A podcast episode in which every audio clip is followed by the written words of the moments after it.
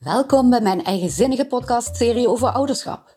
Eigenzinnig omdat ik het dus over een andere boeg ga gooien. Er komt geen lijst met do's en don'ts. Er zijn gesprekken. Gesprekken met kinderen, ouders, professionals die met kinderen werken en ook zelf ouder zijn. En ze vertellen ons daarin over de zin van eigenheid, authenticiteit. Want daarmee kun je nog plezieriger ouder zijn en kind zijn. Bevestiging, herkenning, verveling, irritatie of inspiratie. Wat jij eruit haalt, laat je verrassen.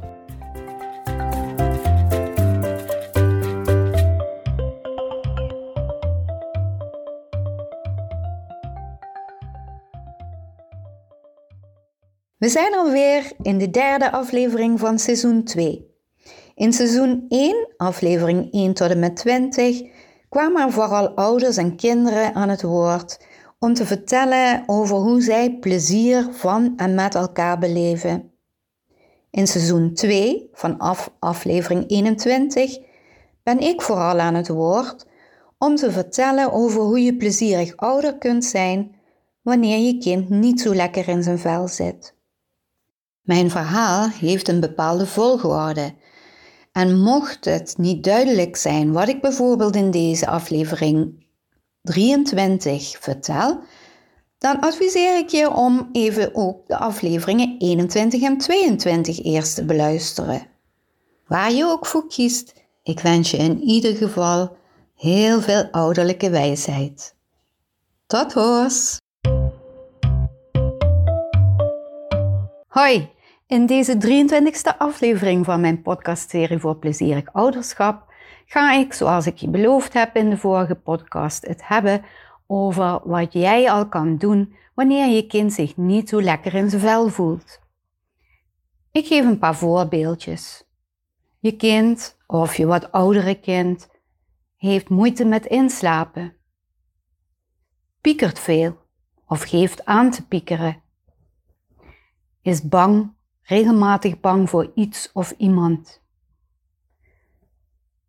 Is obsessief bezig met het thema ziekte en dood. Heeft regelmatig flinke herinneringen aan nare gebeurtenissen. Heeft een gevoel dat alles te veel is. Is moe, lusteloos. Is niet te porren om iets te gaan doen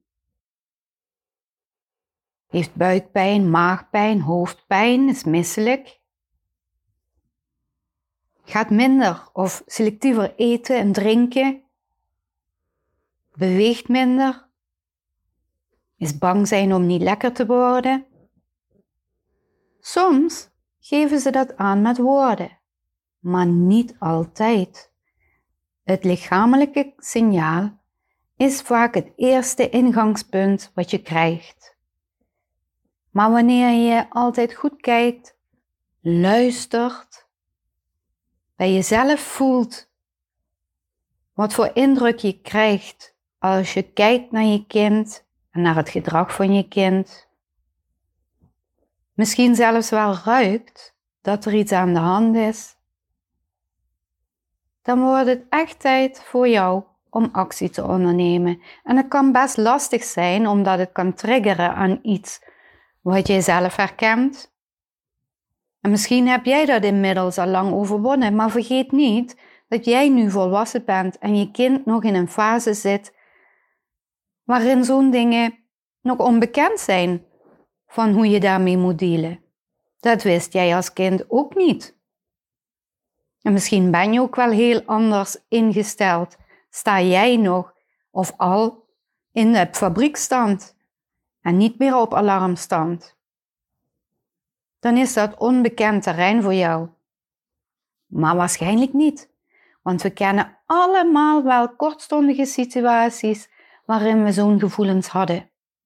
En wanneer ze vanzelf overgaan, niet te lang duren, is er niks aan de hand. Dat hoort gewoon bij ons in het menselijk leven. Maar wanneer ze reden zijn voor belemmeringen in je dagelijks leven, je welzijn, ja, dan denk ik dat het slim is om erachter te komen wat de reden is. En meestal ga je dan met je kind naar een arts. En heel vaak kom je via een huisarts die allerlei kleine onderzoekjes doet, of misschien ook niet eens, bij een specialist terecht. Een kinderarts, een maag-darmleverarts of een neuroloog. Of misschien krijg je contact met de jeugdarts.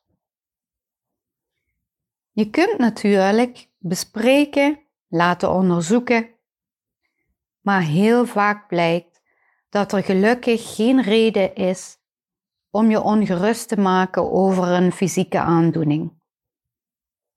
Maar het is wel slim om het uit te sluiten natuurlijk. En als je dat weet, dan ben je al een eindje verder. Dan is het ook nog slim misschien om samen met je kind, als het dat kan aangeven, te praten over wat hem nu op het hart ligt of wat in de weg staat, of beter gezegd, wat hij graag zou willen. En het omgekeerde daarvan is waarschijnlijk wat hij niet meer wil, zodat jij een aanknopingspunt hebt van waar je het moet zoeken.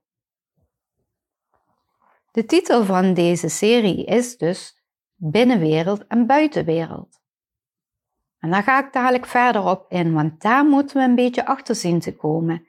Er kunnen aspecten zijn in de binnenwereld van een kind en in de buitenwereld die een rol spelen waardoor deze klachten aanhouden en niet na een korte tijd weer verdwijnen of gewoon opgelost zijn. Wanneer deze klachten echt langer aan blijven houden, dan kun je spreken van chronische klachten. En chronische klachten hebben een hele grote impact op een leven. Niet alleen op dat van je kind, ook op dat van jou en je gezin. Dat wil je toch niet? Natuurlijk, jij bent geen genezer. Ik ook niet. Ik kan die klachten niet genezen. Maar we kunnen wel helen. En dat is een andere term. En dat is helemaal niet spiritueel bedoeld. Dus eh, ben niet bang dat het te zweverig wordt. Dat is een term die aangeeft dat je leert omgaan met wat jij nodig hebt, waar jij behoefte aan hebt, je kind behoefte aan heeft, je kind in balans houdt. Leren zichzelf in balans te houden, want het zal zeker voorkomen gedurende de loop van het leven dat er nog wat uh, struikelblokken gaan zijn.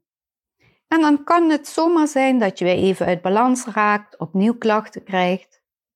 Maar als je dan weet waarmee dat geassocieerd kan worden, hoe je lijf zich gedraagt, en liefst zelfs voorkomen dat je lijf zich gaat melden als signaal, dan ben je ver genoeg.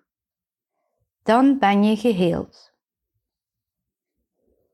En daarvoor ga ik je even aangeven met een paar voorbeelden wat er bijvoorbeeld in de binnenwereld van een kind kan spelen. Je herkent het vast wel, want dat heeft ook, of nu nog steeds, in onze binnenwereld gespeeld. Met de binnenwereld bedoel ik alles wat je van binnen voelt in je lijf, een fysiek gevoel, maar ook alle emoties. En ook de gedachten. Denken, voelen en fysiek gewaar worden. Dat is onze binnenwereld. En wij kunnen bij een ander nooit precies weten wat zich daar afspeelt. Dus doe ook geen aannames van wat er bij je kind aan de hand is, want we weten het niet. We weten het niet zeker. We zullen het moeten uitvragen of aanschouwen. En handig daarbij is om misschien samen eens te hebben over jouw dingen van vroeger, waar jij moeite mee had. Dat is altijd wel een mooi ingangspunt om het over te hebben. Want waar denken kinderen bijvoorbeeld over? over thema's uit het nieuws, de wereld, het milieu, de mensheid, financiële perikelen, toekomstverwachtingen, contacten met familieleden, contacten met vrienden. Een gevoel niet mee te tellen, angst om buitengesloten te worden, zichzelf niet op waarde schatten, onzeker te zijn over van alles en nog wat. Het gevoel niet aan de lijst van verplichtingen te kunnen voldoen. Veel na te denken over pijn, ziektes, het niet lekker zijn en misschien de prognose van deze klachten die ze hebben of hun zelf aangenomen gedachten daarover. Niet weten wat je zelf kunt en wilt behoefte om alles perfect te doen. Het andere mensen naar de zin willen maken. Het moeite met voelen of uiten van verdriet, boosheid, frustratie, pijn, maar net zo goed van blijheid, enthousiasme, nieuwsgierigheid en liefde. Dat zijn vrij heftige prikkels. En wanneer je die niet op een fijne manier kunt uiten, omdat je niet weet hoe of omdat het niet mag, dan krop je die op. En dan gaat dat daar op een hoopje zitten en dat gaat leiden tot blokkades. Als we het dan hebben over de buitenwereld, dan hebben we bijvoorbeeld, en vergeef me mijn generalisatie, maar ik noem maar iets, Aspecten in de thuissituatie. Dat kan gaan over de relatie met één of meerdere gezinsleden.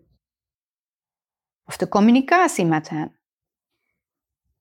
Een gevoel van onvoldoende aandacht of onvoldoende vrijheid.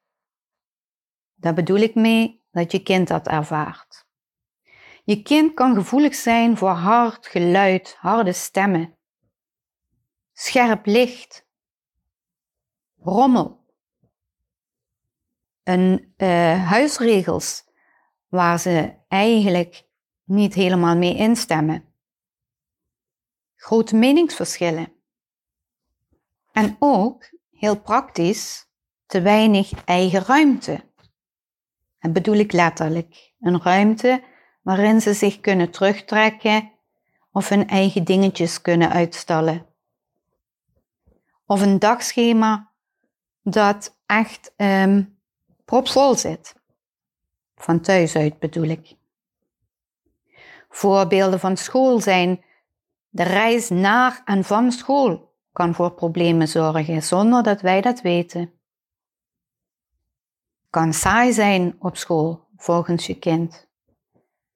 Deadlines, toetsen, planproblemen met het huiswerk proefwerkweek. De stof is te moeilijk. Ze zijn onzeker of faalangstig. Een tien moet het worden. Een zes is niet goed genoeg. Of juist helemaal geen zin om huiswerk te maken, terwijl iedereen maar op je kop zit om het te doen de relatie met een leerkracht of klasgenoten. Hier ook weer veel te veel lawaai of te druk. De angst om ouders of het huis achter te laten wanneer ze weggaan. En voorbeeldjes uit de vrije tijd. Ja, we kunnen er niet omheen. Social media berichten. Altijd 24-7 bijna te bereiken. Hobby's waarbij ze toch denken dat die te moeilijk zijn of te druk of te strak gepland, te belastend fysiek, niet fijn op een of ander gebied. Alle verplichtingen kunnen te veel voelen. Een gevoel van te weinig tijd om zelf te kiezen of om niks te doen. En zonder dat ze het aangeven, afkeuren van wat jij wil. Of constant commentaar op hoe jij eruit ziet en wat je doet. Het valt niet mee allemaal.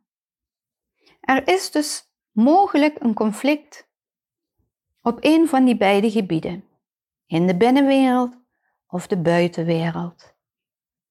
Het is belangrijk om na te gaan wat er scheelt. Kan van alles zijn. En het is ook belangrijk om bijvoorbeeld bij de eerste lichamelijke klachten, de tijd dat die voor de eerste keer optraden, na te gaan wat er toen speelde. Want wanneer je een soort tijdlijn maakt van klachten, en wat ik nog vergeten was te vertellen, die klachten kunnen dus sterk wisselen. Hè? Er kan een tijdje sprake zijn van buikpijn, dan gaat de buikpijn weg, wordt het hoofdpijn, dan gaat de hoofdpijn weg, krijg je pijn in de gewrichten, of eh, misschien gewoon niet lekker voelen, of misschien een soort paniekaanvallen. Klachten kunnen sterk wisselen, per periode, maar ook in heftigheid. En daarvan moet je een soort tijdlijn maken. Maar de allereerste keer dat die klachten optreden, geven vaak een indicatie naar de diepere oorzaak. Gecombineerd met dat wat je weet uit de gebeurtenissen na die allereerste keer, geven je al heel veel wetenschap. Het is ook nog zo en dat klinkt misschien helemaal niet zo leuk om te horen, dat er bepaalde persoonlijke kenmerken zijn van mensen die gevoelig zijn voor onbegrepen klachten. En dat betekent niet dat je dus een watje bent, of speciaal, of raar, of hoogsensitief. We zijn allemaal gewoon mensen die van binnen allemaal verschillend besnaard zijn. Maar wanneer achteraf mensen met onbegrepen klachten worden geïnterviewd en geanalyseerd, dan blijkt er een aantal gemeenschappelijke kenmerken. En ik noem er een paar op. Denk nou niet, oh jee, dat uh, heeft mijn kind ook en dan moet ik extra alert zijn. Ja, dat is goed, maar met mate. Daar komen een aantal kenmerken. Perfectionisme graag aardig en goed gevonden worden. Je schuldig voelen over iets en dat ook niet los kunnen laten. Altijd heel streng voor jezelf zijn. Hele hoge verwachtingen stellen. Aan jou en misschien ook aan anderen. Een groot verantwoordelijkheidsgevoel hebben. Betrokken zijn bij het leed van andere mensen en dieren en de wereld. Onzeker zijn over jezelf. Voortdurend beter willen zijn dan je al was. Het nog beter willen doen, de beste willen zijn. Een controlebehoefte hebben. Pleasen, het iedereen naar de zin willen maken ten koste van jezelf. Bang zijn voor conflicten een binnenvetter zijn. Echte gevoelens en gedachten niet zo makkelijk kunnen delen met mensen om je heen. Niet voor jezelf opkomen. Onzeker zijn in sociale contacten. Moeite met loslaten. Bitter zijn over bepaalde gebeurtenissen of misschien wel trauma's. Alle regels te strak volgen. En dat kunnen huisregels zijn, dat kunnen eigen opgelegde regels zijn en dat kunnen maatschappijregels zijn. Je vaak zorgen maken over van alles en nog wat, van klein naar groot. Te veel bezig zijn met ziektes en aandoeningen. En angst voor de toekomst. Angst voor het leven en angst voor de dood. Tja, het is nogal een lijstje. Schrik er maar niet van, want zo'n drama is het nu ook weer niet. Het zijn alleen maar aanknopingspunten samen met jouw observaties en gevoelens. Of er iets aan de hand is met jouw kind. Of dat je hulp moet inroepen als je je daar zelf onzeker bij voelt. De volgende podcast zal ik ingaan op wat jij thuis kan doen. En wanneer dat moeilijk is, dan vraag je toch hulp. Dat kan heel makkelijk hoor. En dat is niet beschamend, want hoe weet je nu hoe je dat moet doen? We hadden het al eens gezegd. Je krijgt er immers geen gebruiksaanwijzing bij. En wat voor het ene kind nodig is, heeft het andere helemaal niet nodig. Die heeft weer een eigen recept. Jonge, jonge, het is ook allemaal niet zo simpel. Maar kan je in ieder geval nou nog wat aangeven wat je zou kunnen lezen of googelen. Boeken in het Nederlands geschreven die over eh, deze onbegrepen klachten bij kinderen gaan, zijn bijvoorbeeld Mijn beschermende brein van Kitty Rumping. Een ander boek dat gaat over onbegrepen klachten en de heling daarvan. Je bent je eigen medicijn van Judith Kokke. Er zijn natuurlijk ook sites die heel veel gelukkig in eh, aanhangers winnen, zodat ze ook eh, sterker ronddwalen over het internet. Een hele belangrijke site vind ik Stichting Immoveren, die eigenlijk uit drie sites bestaat. Stichting Immoveren, Zie mij nu en de pijn voorbij. Informatiekanalen, voorlichtingsmateriaal, mogelijkheden om um, klachten te bespreken met professionals of onderling literatuur raadplegen. En je krijgt daar eigenlijk zomaar steeds de nieuwtjes op het gebied van de aanpak van onbekende klachten. Wat ik ook wil aanraden, is de Oersterk podcast van Richard Telet. Hij heeft ook heel veel boeken geschreven in het kader van positieve gezondheid. Dr. Juriaans posts op social media. De social media post van Judith Kokke. Kinderarts. En zo zijn er ook nog films. De stichting Immoveren liet onlangs de film It Might Hurt zien. Een film waarin een Amerikaanse arts laat zien dat onverwerkte emoties ontzettend in de weg kunnen zitten bij de rest van je leven. En hoe hij daarmee aan het werk gaat. Met jongeren en ouderen. Er zijn diverse documentaires op Netflix en Videoland. Die natuurlijk soms wat uitvergroot kunnen overkomen. Dit zijn de onbegrepen klachten in de ernstigere vorm vaak.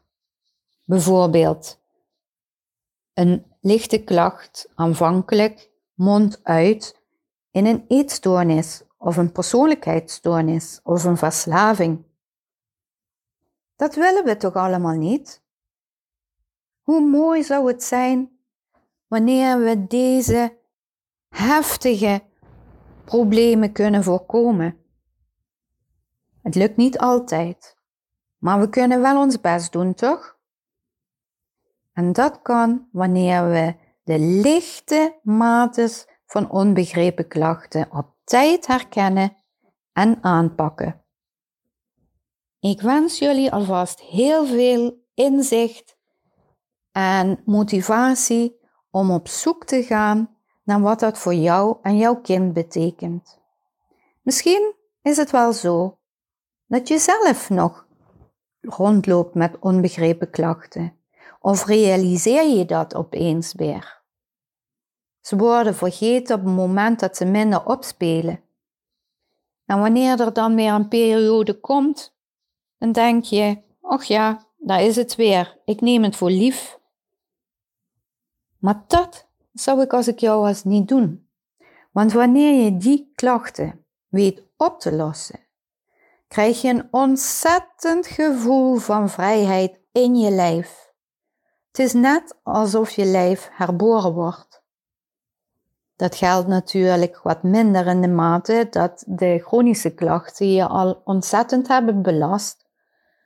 Maar dan nog krijg je veel meer energie, bewegingsmogelijkheid letterlijk en ook een mind die heerlijk vrij en ruim aanvoelt. Dat gun ik jou en je kind. En mezelf natuurlijk. Maar ik blijf aan de slag. Ik heb me voorgenomen ik ben zo'n kind met heel veel onbegrepen klachten. En nog steeds heb ik wel eens een klacht, maar het is niet meer onbegrepen. Dan weet ik, o jee, ik heb mezelf een beetje verwaarloosd. Het wordt tijd om weer te denken aan mijn leerpuntjes. En wanneer ik dat doe, kan ik mijn weg weer helemaal fit en blij en vrij vervolgen. Dat wil ik voor jou ook. Gun jezelf dat. Ik ben benieuwd wat jij met deze adviezen gaat doen. Laat het me eventueel weten in de comments of stuur me een mail naar praktijk.marjellalammers.nl Tot de volgende keer!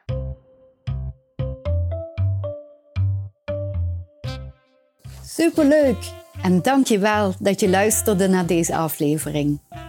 Wil je meer van deze verhalen horen? Abonneer je dan.